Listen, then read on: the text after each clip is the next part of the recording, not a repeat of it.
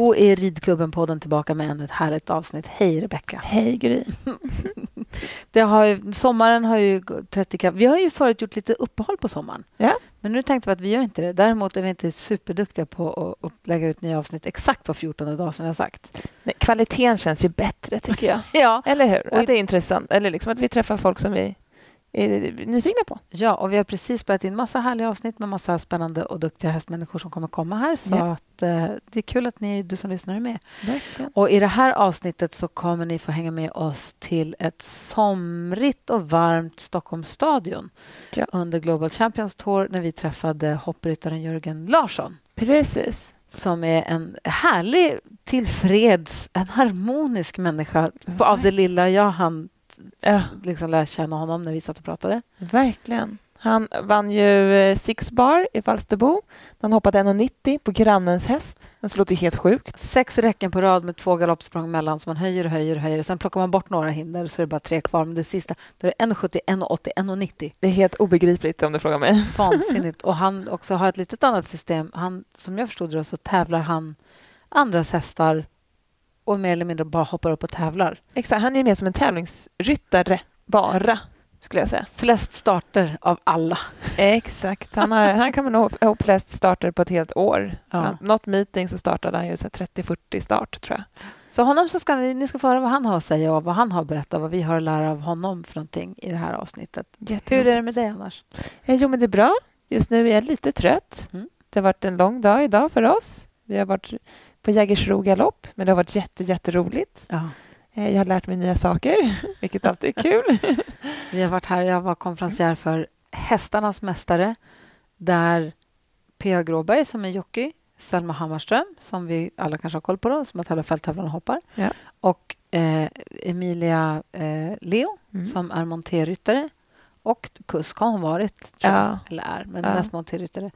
Och ehm, Pontus, eh, Pontus Hugosson som vi ju har poddat med tidigare. Exakt. Som är fältare. De tre, fyra har mötts i ponnygalopp, ponnytrav och ponnyhoppning Ja. på Jägersro i samband med riktiga galopplopp. Kul att få se en inblick i en helt annan sida av hästsportandet. Verkligen. Jätteintressant. Träffa folk som är inne i galoppvärlden. Jag är aldrig... Jag tror, vet inte om jag har varit på galopp. Alltså, jag har varit någon gång. Jag har ju Nej, faktiskt ridit en gång. jag har ridit galopp på Jag har ponnygalopp. sett bildbevis. kan lägga upp det på det kan vi faktiskt göra, det är kul. Fick rida nordsvensk. Jag red mot Stig H Johansson, kusken och lite såna. Det var här jippolopp. Men vad roligt. Fick en jacka med siffra Kul. tuffa, snabba glasögon eller vad det var. Du vet. Fick du den här minisadeln också? Nej. Nej. Alltså sadeln, vi träffade en tjej som är jockey som, skulle, som red idag, riktiga galopploppen. ja. Den sadeln var som ett Hon skämt. hade den som det handbagage. Och det var den tunga sadeln. Ja. Den var så liten och lätt så att det var inte klokt. Sen kom hon. Hon kom med handväskan och sadeln under armen. Christian Dior har en handväska som ser ut som en hästsadel, Nej. sadelbag. Den, det den så? såg ut nästan som den, Ja, det hon hade. Kul. Den var helt sjukt liten. faktiskt. Det är knappt så att min dotter Agnes får plats i den där. Hon är två. Ja. Tre nu faktiskt. Och sen så satt vi och pratade med ja, men, eh, P.A. Gråberg som är duktig jockey som ni kommer få höra i den här podden framåt. Ja, Hans lättaste sadel väger två hekto. det är också det är liksom... 200 gram. Ja. Det är chokladkaka. Ja. Han sitter och rider på... Och hur stigbyglarna? Nej. Bara, alltså, Ja. ja. Men spännande som sagt att få träffa en massa människor som är superengagerade i ja, men en helt annan sida av det. ju. Det är Verkligen. samma djur, men en helt annan, en helt annan Sport. sport. Ja, faktiskt. Det är roligt. Ja, det var väldigt Så det var en lång dag i alla fall. Det en var lång det. dag på galoppbanan, va? Men det har varit kul. Det har varit jätte, jätteroligt. Ja, kul. Ja. Och hemma i stallet håller vi på och tvättar stallet. Hästarna, unghästarna går på bete. Eh, Salsa går också på bete, men ska ridas lite hela tiden. Neomons går också på bete, men ska också ridas lite hela tiden. Eh, det var de stora hästarna, eller hur? Ja, precis. Och eh, Moni, hon är på ett härligt rehabställe för hon, ska, hon har haft sin... Hennes, hon, har haft, inte, ska, ja, hon har haft en liten skada som hon har dragit till sig på något vis. Ja. Så hon ska få bara bättra på alla sina fibrer överallt. Också lite för att ni skulle åka till Gotland, till Precis. Sylve, och det blir lite mäckigt. Alltså jag tror att det är toppen, både för henne Ja. och er, att vara på. Exakt. Vi ska ju åka till Silver på Gotland med Nickis ponny och hon ska träna och tävla där.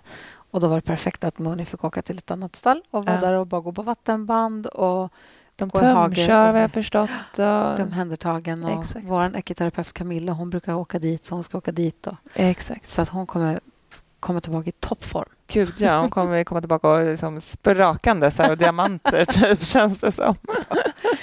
Så hon är på spa. Hon är på spa. Ej tråkig sommar. Jag vill också åka på spa. Får jag åka nästa år? Men vi åker som sagt till Gotland på, om två dagar i talande stund. Och jag tycker det är lite läskigt. Vi var där förra året, men då var ju du med. Nej, Du är ensam. det kommer gå En häst inte jättebra. känner. Tänk om, typ, tänk om han tycker det är läskigt eller tänk om larmen på alla bilarna går och han tycker det är obehagligt. Nej, men han känns ju superchill. Han är Jo. också van att åka mycket. Och... Nej, det kommer gå jättebra. Okej. Jag ska Ni säga ska det få med er en vadderad huva som ni kan trä på Ja. han om det blir stökigt. Men jag tror inte... Alltså, han, det lilla jag känner honom så Mm. känns han väldigt chill. Ja, men så är det ju. Men sen i övrigt, som du säger, de går på bete och det är väl så här, något litet sår och skor som ramlar av och de... Mhm, Jag får träna på min tappskokompetens nu. Jag är också glad att jag inte är hovslag. Jag har bara dragit av skorna på unghästarna innan de skulle ut. Jag vet, alltså det bara rann svett om mig. Jag har inte ens fått på dem, bara tagit av dem. Ja. Så det, ja, de har ett tufft, tufft yrke. Och apropå gå i hagen på sommartid, så vi har ju samarbete med Jackson. Ja, Och nu när jag skickade Muni på spa, då skickade jag med ett flugtäcke och så sa Nicky, varför, varför har vi flugtäcke? Varför skickar vi med flug? Hon är aldrig bekymrad av flugor. Så man vet aldrig. Jag vet Neo inte vad de har för flugor på spaet. De kanske hon kanske behöver det. Det är skönt att ha ett Ja, i alla fall. faktiskt. Men Neo, han gillar ju, han gillar Han- ju inte flugor. Vi försökte. Jag brukar alltid prova att släppa ut honom för att se om det kanske funkar i år. Mm. Men ögat började rinna och han var som en prickig korv, stackarn. Alltså det är som att varje myggbett får han en böld, liksom. Stackarn. Han är så tunn i sin hud, tror jag att det är, liksom, för det är ingen Ja. annan häst. Och i år är det inte så mycket bromsar, det känns bara som att det är massa småmygg, typ. Men alltså, Så. kolla in deras, för de har jättebra flugtecken och också jättebra flughuvor. Ja, Och det är sån här, flughuvor är en sån här grej som man alltid ska köpa två av. exakt. Eller tre. Ja. För de, antingen kommer de bort. De är också ganska bra på att behöver- klä av sig de där i Ja. hagen. Och gå och leta efter dem. Det kan man göra, men ibland är det omöjligt. Så hage full med tappade skor. och Flughuvor. Ska ni fynda, så åk till våran hage. Ja, så det är ett tips. Gå in på jackson.se och kolla deras ja, men överhuvudtaget attiraljer inför sommaren. Men flughuvorna och eh, täckena är toppen att spana in. Verkligen. Ja. Nu så ska ni få åka med till Stockholms stadion sommaren 2022.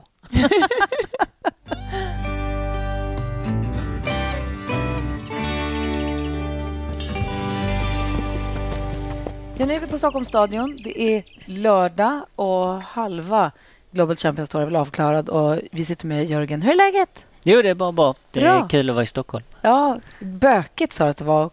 Ja, Krångligt. lite, lite bökigt är det. Om man, om man kommer från eh, landet så är det ju rätt så mycket med elskotrar och grejer man ska försöka låsa upp med telefonen. Och så, att, så att det är tur man inte har så mycket att göra så man hinner med allt.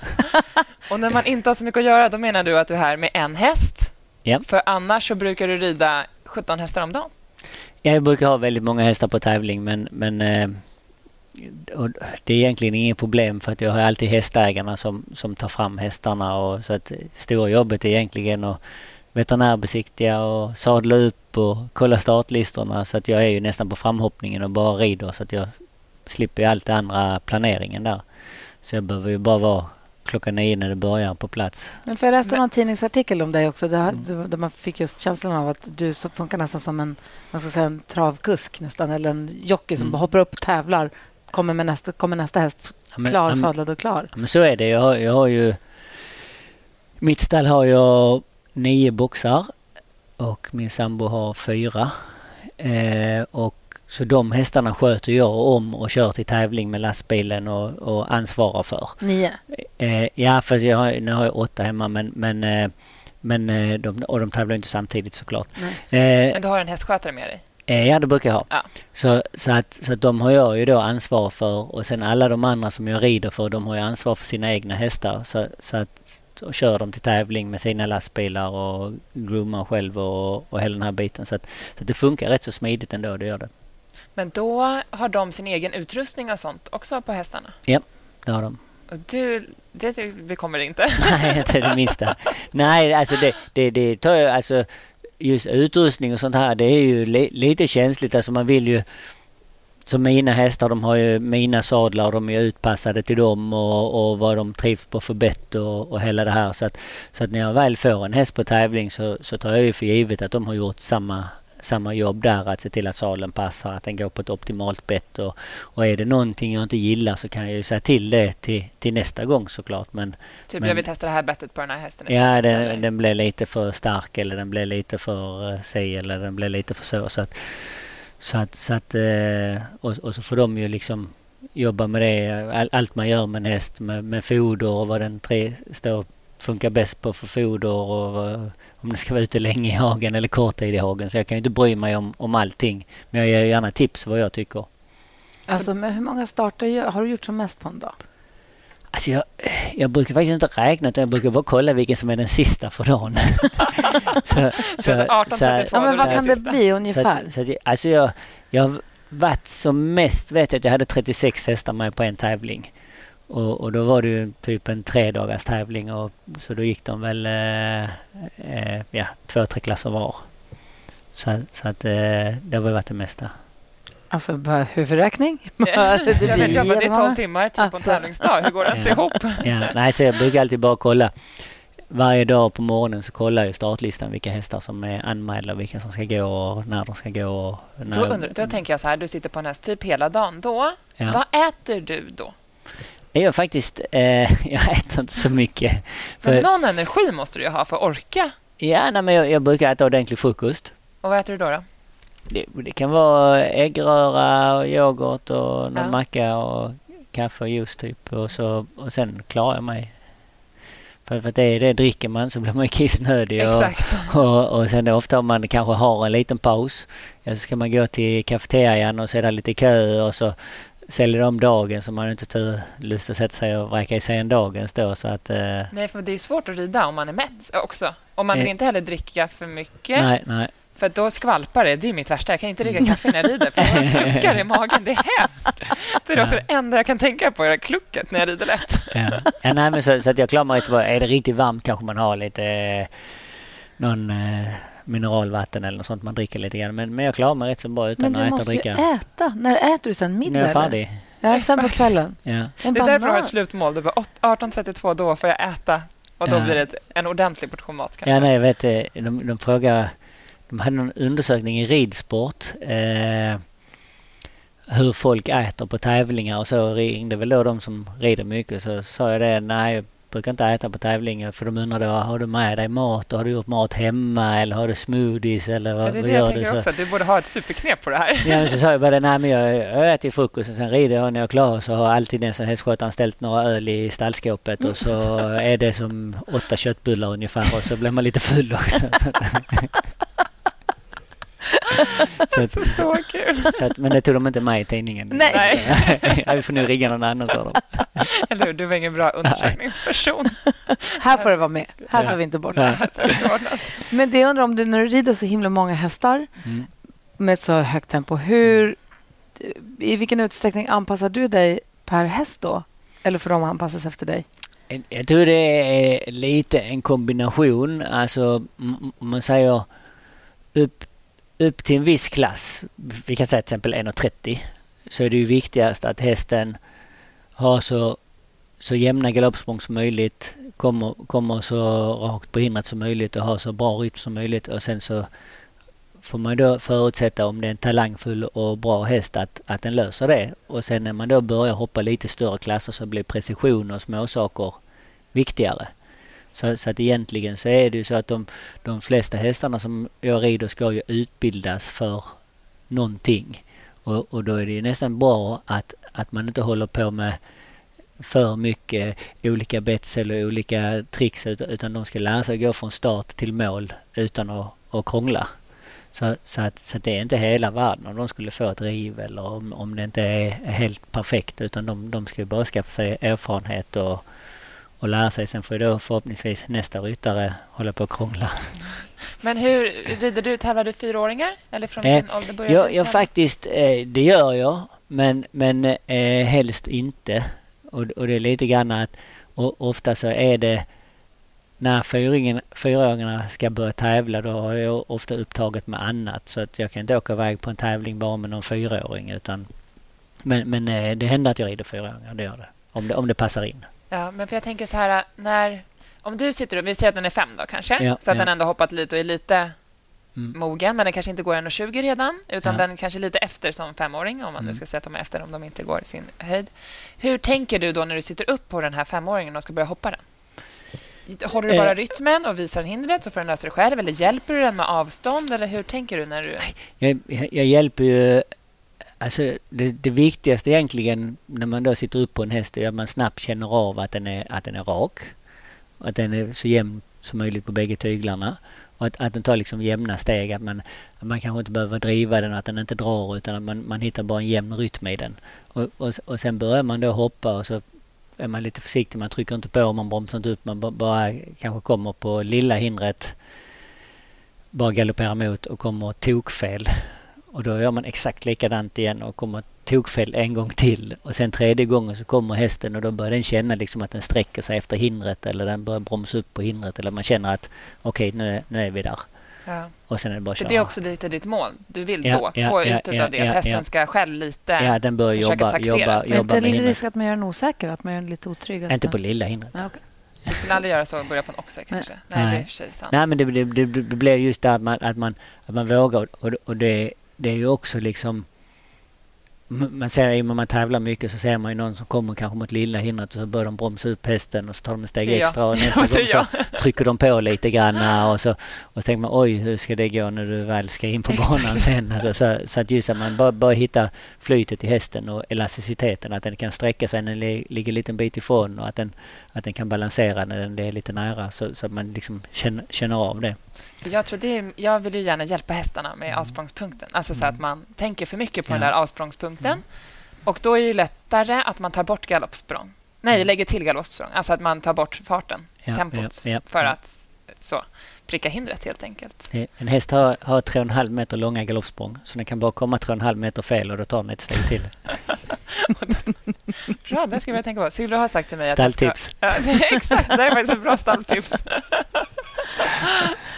Okej, okay, och sen så, det är en femåring. Om du ska hoppa en häst som kanske är 7-8 och kanske har gått 1,30, mm. vart startar du med den då? är ungefär likadant. Eh, bara man kanske börjar, börjar jobba lite grann mer med ytterligheterna. Man känner att den tar benen lite bättre, att den sträcker på sig, att den kommer tillbaka. Och, och men, men ungefär samma princip faktiskt. Och Hoppar du då den 1,30 direkt? Eller tänker du att du... Alltså hur bedömer du vad du ska starta för klass? Eller säger hästägaren hej, jag vill att du ska hoppa min häst 1,30 och då säger du? Ja, ofta de flesta hästägarna jag har eh, är ju... Eh, har jag jobbat med så pass länge så att, så att vi har jag har koll på vad de har för hästar, vad de går för klasser och, och, och jag har väl slutat lite. Innan var det mer så random att någon bara kan du rida den nu? Ja absolut, eh, vi kör. Så, jag vet det hände mig en gång eh, en, en som frågade mig om jag kunde rida hennes häst. Ja, ja men det är klart jag gör. Och så, och så eh, så jag kom bort i framhoppningen med den och så hoppade jag upp och så red den ett varv och så var är det något problem med den eller? Ja, i landningen så tvärnitade den och kastade av mig sen sparkade den efter mig. Tack så, för informationen! Så, så Okej, okay. det var ju käckt. Och hur gick det? Ja, det gick bra gjorde det men, men eh, eh, jag höll ju fast mig ordentligt. Jag tänkte inte trilla av. Nej, så, så att, men, men så har jag slutat lite grann med att, att ofta, ofta om de kommer så om det är en häst som kanske har lite bekymmer så, så brukar jag säga att då får ni komma hem och träna lite först med den så att man säger att man inte det blir inte så kul för hästen heller. Eh, eller man kanske då rider en liten klass och tränar i det eller så.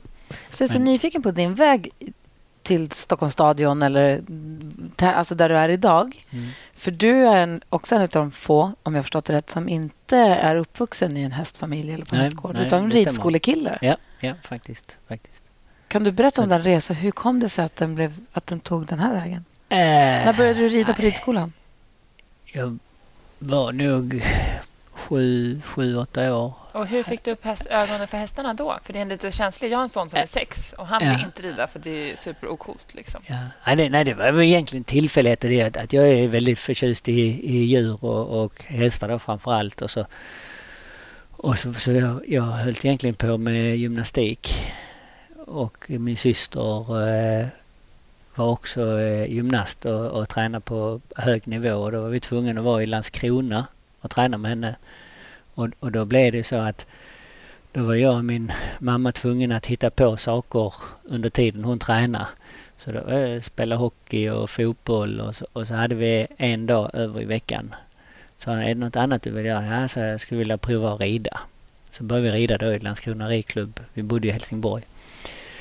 Och så, och så eh, gick det rätt så snabbt att jag blev duktigare och fick flytta upp i en annan grupp. Och det var den enda dagen vi inte var i Landskrona den gruppen var. Så då åkte vi alla dagar i veckan till Landskrona. Så att, eh, och så hade jag en, en eh, fantastisk ridlärare där på, på eh, ridskolan som heter Börje Edman som, som var eh, remontryttare eller hade varit remontryttare i det militära som var väldigt eh, karismatisk. Så, så att, eh, och, och sen så blev det så att min gymnastiktränare, hans syster hade ett stall med hästar och så, och så åkte vi dit eh, och red lite grann då på en, en shetlandsponny där. Så tyckte han att om jag bara fick rida lite skulle jag snabbt tröttna så att jag kunde fokusera på gymnastiken sen. Så att, men det blev inte så. Kolla, och så här sitter du idag. Ja. Det är, jag tycker det är så himla kul. Ja, men verkligen. Ja, jag ja. Men köpte du egen häst sen eller var det automat så att du började bara rida andras hästar? Nej, jag, jag hade... Eh, jag, vi köpte en B-ponny som vi började rida och tävla. Var det framgångsrikt då redan? Hoppade du från start? Eller. Nej, alltså det, det var ju inte så, sådana satsningar på den tiden utan då red man ju mest omkring och, och härjade liksom. Eh, Man red ju ikapp på fredagen och tävlade på lördagen. Alltså, Ja. det var liksom, nu är det ju till och med B-ponnyryttarna, det är, det är ju matchning och grejer. Alltså det är, är så allvarligt direkt eh, från början nu med utlandstävlingar och kupper och kval och... Det där tycker jag är så himla svårt. Jag har en dotter som har en C-ponny. Vi har Mm. precis köpt en D-ponny nu. Men Mm. vi har haft Mm. C-ponny i två och ett halvt, snart tre år. Mm. Eh, och jag, hon är ju bara 13. Ja. Och jag vill ju så himla gärna att det ska finnas kvar det där, ut och racea lite. Mm. Eller, och finnas kvar. Eller så här, hon vill väldigt gärna tävla och tävla mera. Och Mm. hon drömmer om att tävla utomlands och hon vill ju rida liksom här. Ja. Så, och det är så svårt som förälder hur, vilken utsträckning man ska så här, hålla tillbaka eller uppmuntra. För jag tycker att det är så viktigt att man får kvar det där lekfulla. Och, Ja.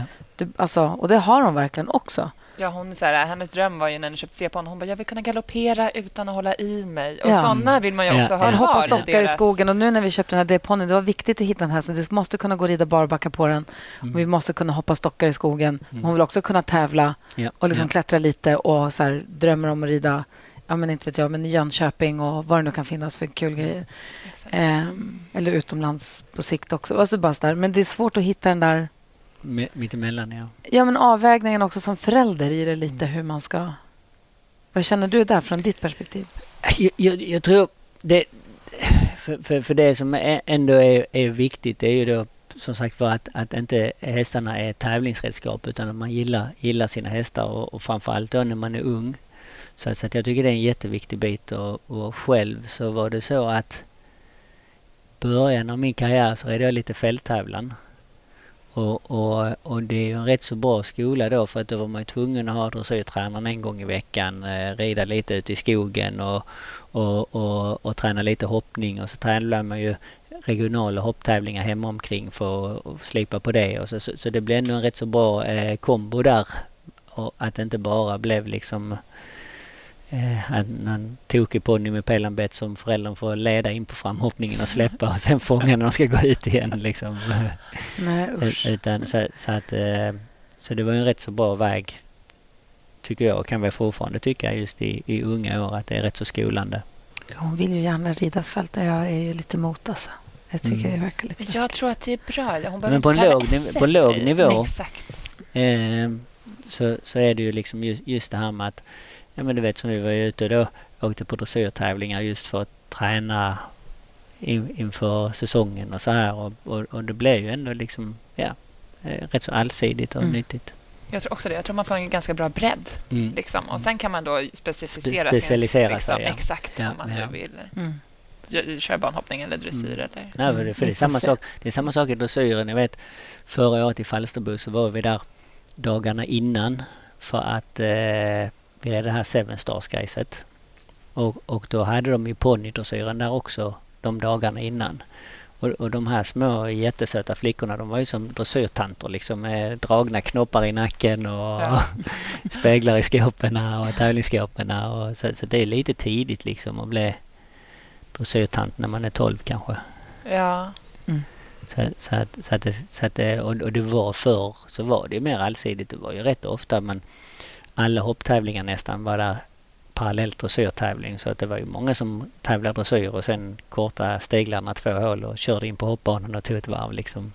Exakt. Jag tror också att det är det där lekfulla man vill Mm. behålla. Liksom, Mm. Så att det inte Mm. blir för allvarligt kanske. Mm.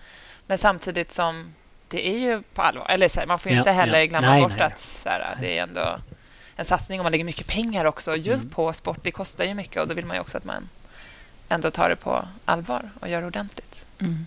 Okej, men efter B-ponnyn då? När började du rida andras hästar? Och hur Det började rätt sig? så snabbt. Jag, jag, faktiskt redan eh, när jag gick i, i skolan där. Så jag tror, tror under tiden eh, jag gick eh, högstadiet tror jag hade 13 ponnyhästar hemma eh, samtidigt eh, och, och drev verksamhet. Men vadå med in- hemma? Skönt att vi In- ligger i lä. Vi har nästan in- inga hästar alls. Nej, gud, vi kan Alltså, köpa fler. Ja. Nej, men jag red någon till försäljning och någon på inridning och någon på utbildning. Och, Men då hade ni en gård hemma? Ja.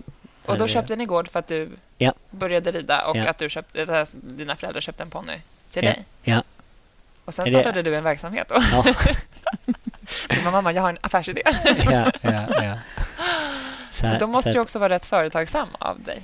Ja, eh, ja lagom är jag ju. Alltså, jag är väl egentligen inte superintresserad av, av pengar så. Men, men, Men det är eh, ändå, jag tänker bara på affärsbiten. Att det Ja, ska funka ja, och ja. få hem dem och mat och planera. Alltså, mm. om du nu inte har föräldrar heller som kan så mycket. de, de har ju varit med på, på resan så de har ju, har, lärde sig under tiden också såklart. Eh, och, och att vi köpte gården det var egentligen mer att vi hade häst, häst, två hästar hade nu då, ja, uppstallade på ett stall och så, och så blev det de som hade det stallet hyrde det och blev uppsagda så då var ju liksom hela ingen i stallet hade någon stallplats och så, och så köpte vi en gård och tog med oss alla från, från stallet där och så Så då hade ni inackorderingar också Ja, hemma? ja, typ. ja. Ja, okej. Och så, eh, ja, så hade jag, körde jag på lite grann där med lite försäljning och lite så. så att,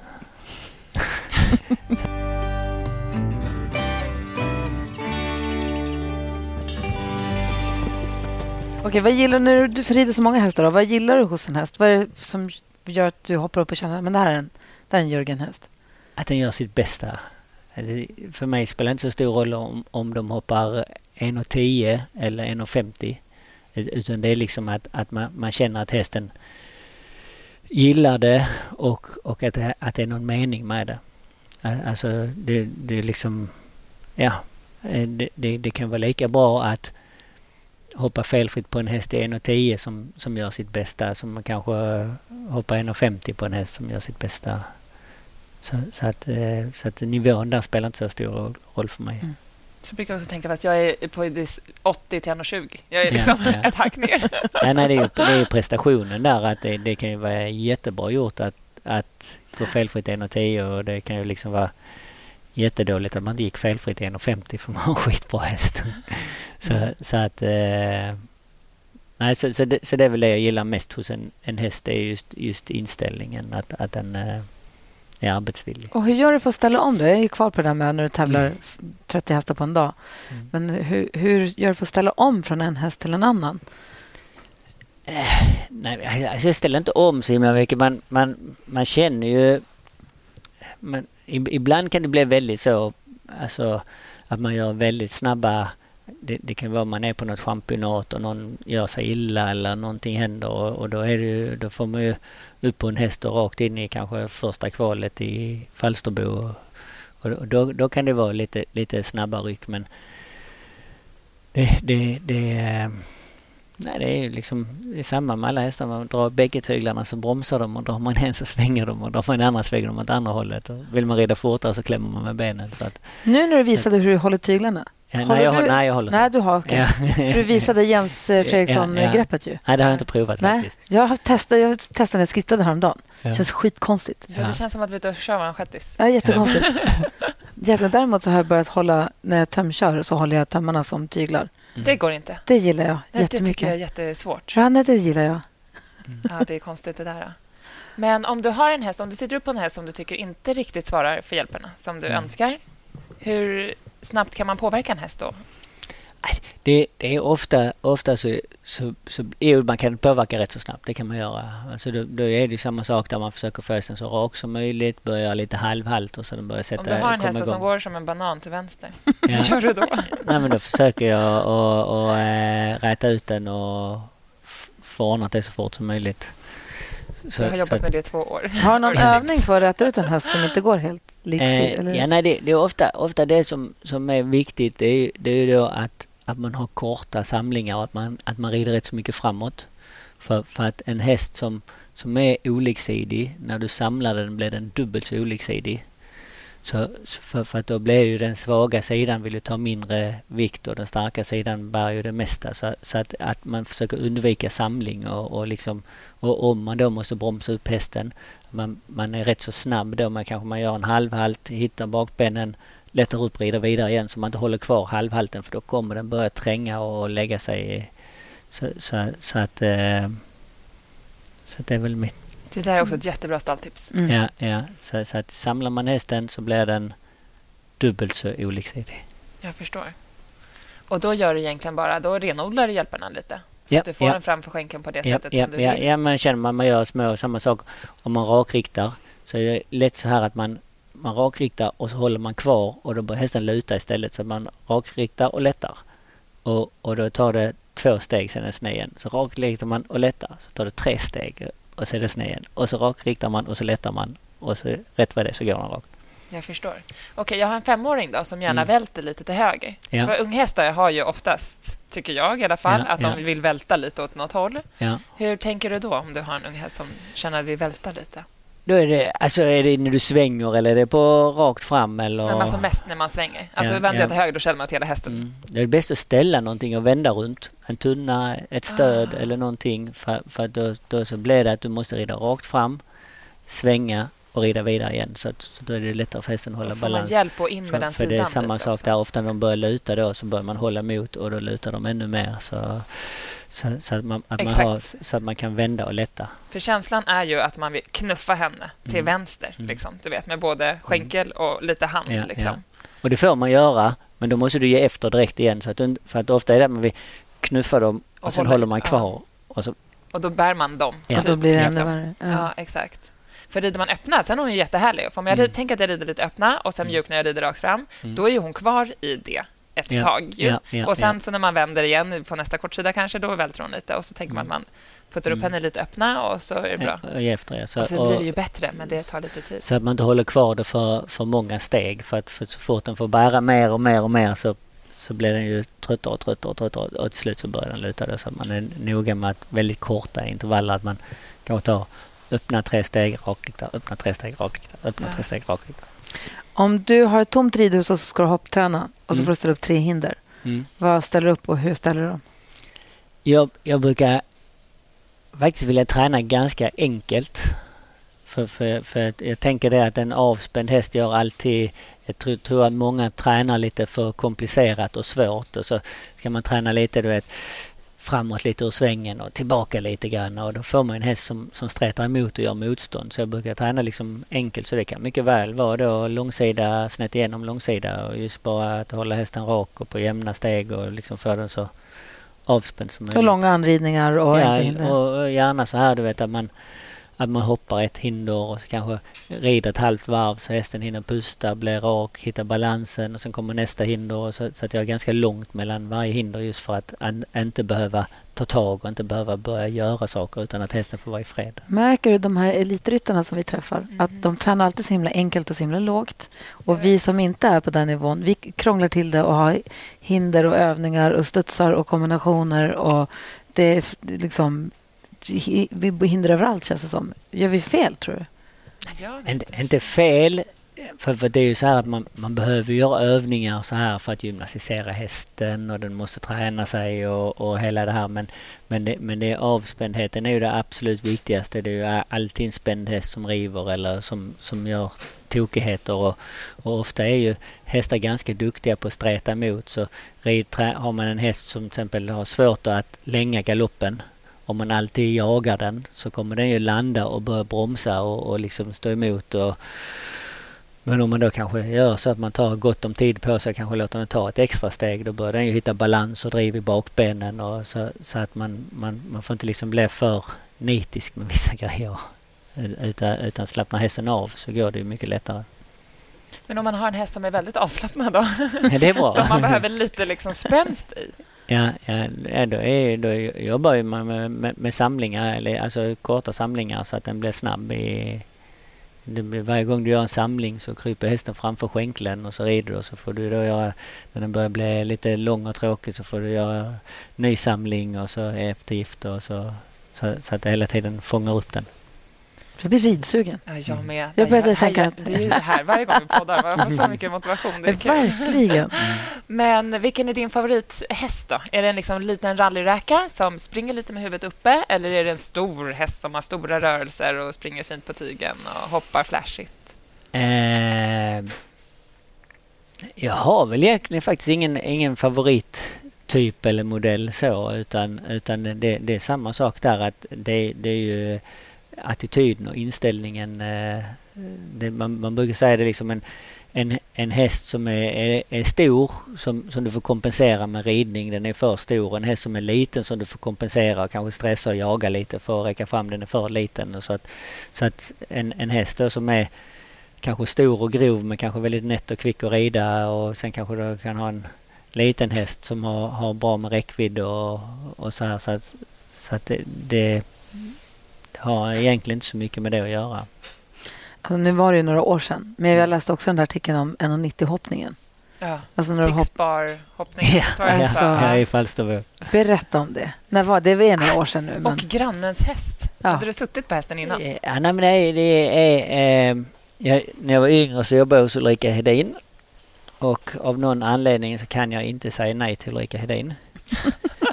Så hon ringde och frågade om jag kunde rida sixbarhoppning och det kunde jag inte. Men eh, det blev ju så. Varför kunde du inte det då? För att du nej, inte hade någon häst eller? Nej, jag hade ingen häst som passade och, och, den hästen som... Jag har en häst som är bra på sixbar. Som Vad är sixbar ifall det är någon som undrar? Det, det, är ju då du har eh, sex stycken rättuppstående hinder med två galoppsprång mellan varje. Och, och, så, det kallas också barriärhoppning då så det börjar lågt och så blir det högre och högre. Och, och sen så då när det börjar komma de sista omgångarna så tar de bort antingen två eller tre hinder så att det är bara de sista hindren kvar då. Och, eh, och det är rätt så kul så för publiken men, men idag så är man, man har eh, rätt försiktiga hästar och, och, och så här så man behöver en häst med mycket kapacitet såklart. Och, och som är lite orädd för det blir ofta rätt så, rätt så högt då. Så, och lite mjölksyra, jobbigt för dem också. Ja, det blir det ju. Så att, eh, sen det blir lite paus emellan för att de andra ja, ska hoppa och så här. Så, att, så, mm. så det är väl rätt så okej är det. Eh, så har jag en häst då som är väldigt bra och vunnit ett par stycken och så, men så var han skadad för stunden. Så, så att jag hade ingen jag kunde ta och så, och så, och så jag hon sa så ja men det, det, det, är klart du måste vara med. Det är ju 60 000 i första pris och så ja, ja det är klart. så, det, så ringde jag till grannen då och sa det kan jag använda Toronto i Falsterbo. Ja men det kan du absolut göra. Och så eh, jag säger till då Anna att hon eh, kör över honom till dig så kan du ha en hemma och träna någon dag då. Så, eh, de kommer ju lämna den och så och så tränar jag lite grann och så hästskötaren fick komma in och vi fick eh, badat och flätat och lastat på dem på lastbilen. Sen när jag satt på vägen ner så, så tänkte jag allt detta jobbet, det är ju inte ens säkert att jag vinner 60 000. jag måste ju vinna det också. Det, det kanske inte är så bra idé detta. så hade jag lovat honom att vi skulle dela på pengarna då. Och, och sen för varje omgång den hoppar så så till slut så var vi bara så många kvar att, att alla var på pengar. Så tänkte jag, nu, nu går det jämnt upp i alla fall. Ja, så, okay. så, ah, nu tjänar jag lite grann. Och så, ah, nu gick det. Så, så att, eh, Alltså det var roligt. Men då slutade det med att sista hindret var 1,90. 1,90 var det nog ja. Alltså det är så högt. Hur, hur, då, då är det bara tre hinder kvar i den där räckan eller? Mm. Då, då har de ju... Alltså, alltså sist, jag, jag, vet inte om det är exakt så, men då är det ju kanske då att, att eh, sista räcket är 1,90, eh, näst sista är 1,80, det tredje sista är 1,70 då. Så det är en rejäl kombination. Så du red ändå in i en kombination där A var 1,70? Ja. Alltså det är så otroligt. Det är så frukt... Alltså, hur tänker du då när du Kom inte fel, kom inte fel, kom nej, inte fel. Alltså det, det, om, om, Tänker på så kommer man fel. Man, man har ju oftast en, en häst som passar för, för ändamålet. Ja. Och, och, och då är det ju liksom inga problem med... Det, det hade, hade man en häst som bara kunde hoppa 1,10 hade det varit skitläskigt såklart. Va? Men, men eftersom man då har en häst som man vet att den, att den passar till det och, och har stor kapacitet så, så det, det kan ju vara... Ibland kan man ju vara ute med en ung häst och tycka att eh, 1,20 är hur högt som helst. Man tänker shit, nu måste jag komma rätt på den också, annars kommer jag aldrig klara det. Och sen kan man rida 1,50 med en häst som man liksom är helt hundra trygg med och tycker att ja, men det, det här blir bra. För Det tänkte jag på igår när jag kollade på hoppningarna här på stadion. Mm. Att för vissa ryttare så kan banan se ut som walk in the park. Alltså mm. Det ser så mm. enkelt ut mm. och det, liksom, det ser verkligen skitenkelt ut. Mm. Och för vissa ryttare så ser det typ som att det är svårast de har hela sitt liv. Ja. Och då är det ändå typ bara proffs här. Ja, ja. Vad är det för skillnad? Eller liksom, hur, kan det, hur kan det ibland kännas jätteenkelt och för vissa blir det... Ja, det jag vet inte, det, det, det, kan ju vara då... Alltså just när du kommer upp på den nivån som är här så är det så att även om du har en riktigt bra häst eller en, en normal häst så, så är det ju en... Alltså även en bra häst får ta i och jobba så att marginalerna är så små. Så, så att det kanske räcker att de kanske har lite dålig framhoppning eller att hästen har en liten formsvacka eller att den har rest dåligt hit eller alltså det är så, så lite, om jag hoppar du 1,20, 1,30 så ja men då kan ju hästen vara kanske vara mitt i pälsfällning men den klarar det ändå. Eh, alltså så, så att när, när det väl kommer på den nivån som här går så är det så otroligt små marginaler att det kan vara, en, det, det kan vara liksom att hästen kanske inte är snorig eller någonting men den har en liten, liten... Känning ja, du vet ju liksom. själv, själv när man vaknar ibland så kan det ju vara en skittrög dag. Ibland ja. går det jätteenkelt. Va? Så, så har den hästen då vaknat och har en liten trög dag så, och den ska göra en topprestation så är det inte så lätt. Hur kommer det sig att pälsfällning påverkar dem så mycket eller kan påverka dem så mycket? Det, det är... Eh, olika hästar reagerar olika. Eh, och, och det är så att en häst, om man då tänker en, en vildhäst, är, är ju att den kan inte den kan inte leva om den har en dålig päls. Utan pälsen är bland det viktigaste för hästen. Och då tar, tar eh, kroppen från, från muskler och allting, vitaminer för att sätta så fin päls som möjligt.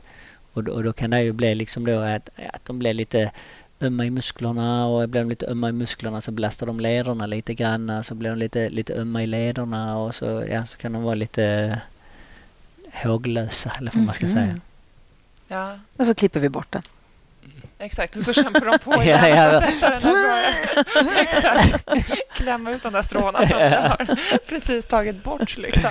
Ja, Åh gud, klippskären har jag glömt att plocka ut från posten. Bra, nu kommer jag på det. Den ska vi hämta ut. Oh. Men om du då kommer in på en bana och så mm. blir det något knas. Mm. Alltså att hästen hoppar jättedåligt på ettan, kanske river en grovt eller kliver om eller du känner att så här, men gud vad konstigt det här känns. Mm. Fortsätter du då och har du något tips eller går du ut? Mm, jag, jag, tror i de flesta fall så fortsätter jag om jag inte känner att jag verkligen tagit mig vatten över huvudet. Och, och det kan vara att man... För, för, ofta är det så att om man, om man har en dålig klass så gäller det ju... För, för ofta, ofta kan det bli kanske man, man river någonting tidigt och så, och så blir man besviken så går luften ur en och luften går ur hästen och så blir det bara värre och värre. Men man ska se varje tillfälle att träna så att om jag känner då att jag kanske river ettan då, då, då försöker jag ju rida så bra jag kan resten av banan så jag har det med mig till, till nästa tävling som förberedelser. Så, så att man vill helst inte ibland kan det vara att hindren är för högt eller hästen inte vill så man behöver avbryta. Men, men kan man fortsätta och, och liksom försöka och reparera och avsluta så bra som möjligt så har man ju det med sig till nästa gång. Jag tänker att resten av banan är det som en träningsbana och att man ja. inte tänker på tiden kanske på ja, samma sätt. Ja, utan man, man passar man... på att träna lite och hålla ut vägarna, se till att rätta galoppen och att ja. Skola dem lite? Ja, ja lite grann. Lite grann ja, liksom. Och vad är målen framåt? Vad har du för visioner för framtiden? Nej, jag har väl... Du har aldrig lockats av att åka utomlands och Nej. tävla och jobba och sånt? Nej, jag tycker det är kul. Jag brukar åka kanske någon gång om året så eh, mest för, för skoj och se sig omkring lite grann. Men, men, men just att, att, att alltså man ser som de ryttarna som är här på touren som flyger hit och flyger de hem och hemma någon dag och flyger vidare till nästa tävling och hästskötarna kommer med bussarna och lastar av hästarna, på med hästarna och hem hela natten. Och, så, så någon gång kan jag tycka är kul men, men inte så att jag skulle vilja jobba på det viset. Och i februari har du aldrig känt att det hade varit gött att vara nere i Spanien nu? Nej, det var jag faktiskt. ja, det var det. så du kände så? ja, ja. Så, att, så när vi hade just, just nu här i, i, eh, i februari så var det hon tjejen som jag rider till här på tävlingen eh, som har opererat ryggen. Hon, hon eh, håller på att börja rida lite själv. Men så ville hon inte rida tre veckor i Spanien så jag flög ner och red de två första veckorna. Och sen red hon sista veckan själv då. Så då hade jag en, en liten Spanien-tur. Men då red du bara hennes hästar eller passade ja, du ja. på att rida andras? Nej, jag red, jag red bara hennes. Det var det också semester eller? Ja. ja. Hon hade en kompis som åkte med henne så jag red hennes häst också. Så hade, det var väl fem hästar typ. Ja. Och vad kom du fram till då? Vad är målen framåt? Det är bara målen att hålla det som det är? Ja, eller? hålla det som det är. Alltså jag trivs, trivs rätt som bra som, som jag har det. Det, det. det blir ju så här att vill man satsa lite mer då får man ta bort kanske lite av unghästarna och, och det är samtidigt väldigt givande och roligt att hålla på med dem och, och, och så här. Och, så, så att, nej, jag är rätt så nöjd med den nivån jag är på. Det var skönt att höra. Ja. Verkligen.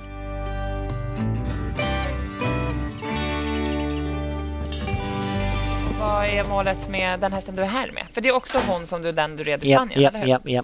Så, så att det, det är att göra så bra, bra ifrån oss vi kan. Det, det, det är så här.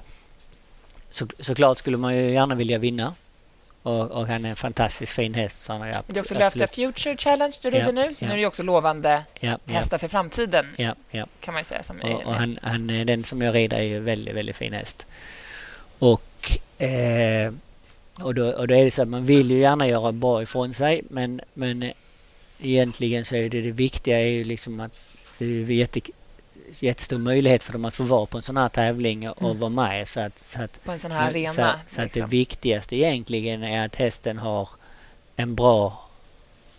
Att man får en bra runda och att, att hästen har liksom bra erfarenhet med sig hem. Det är ju absolut viktigaste. Och, men sen om det skulle innebära en liten seger så gör ju inte det Om det skulle innebära en liten seger så gör det ingenting. Men du måste ju vara tävlingsmänniska. Ja, men det är jag. Det och vad händer om det inte går så bra? Jag är väldigt lugn med det. Ja. Eh, har du alltid varit det? Eller är det någonting du har ja, fått jobba ja, med? Eller? Nej, nej, nej. Eh, jag, jag, det, tycker man, kan inte, man kan inte påverka det som har varit utan man kan bara kolla framåt. Så att gå och vara grinig för att det har gått dåligt, det, det liksom, utan, utan det är nästan att det, att det peppar mig istället. Alltså, jag, jag kan känna om man rider en häst, allting funkar perfekt och man vinner klassen. Eh, bara, Jaha, det var ju bra. Vad gör vi nu då? så jag tycker nästan... Ja, nästa häst. Vad mysig du låter. Vad glad jag blir. Ja. Mer intressant liksom om det är någonting som ja, man känner där, nej men eh, vill inte riktigt och den spänner inte av och det är lite bekymmersamt och så kanske man åker hem och så jobbar man lite med det och sen nästa tävling så, så funkar det lite bättre och hästen kommer till ro. Och, ja, så det är egentligen det som är intressant, vägen dit. Då låter det som att det är det som driver dig mer än vinsten ja, ja, kanske? Ja. Eller? Absolut, absolut. För det kan ju vara ibland när man känner att så här, varför, vad håller jag på med? När det regnar och vattnet har fryst i stallet och blir jäkligt. Liksom. Ja, Då behöver ja. man ju den här moroten som man Ja, men, men absolut. absolut. gör att man vill fortsätta. Liksom. Men du, stort lycka till imorgon och tack snälla för att vi fick eh, prata med dig. Toppen, tack själv. Det var Det var kul. supertrevligt. Verkligen. Ja.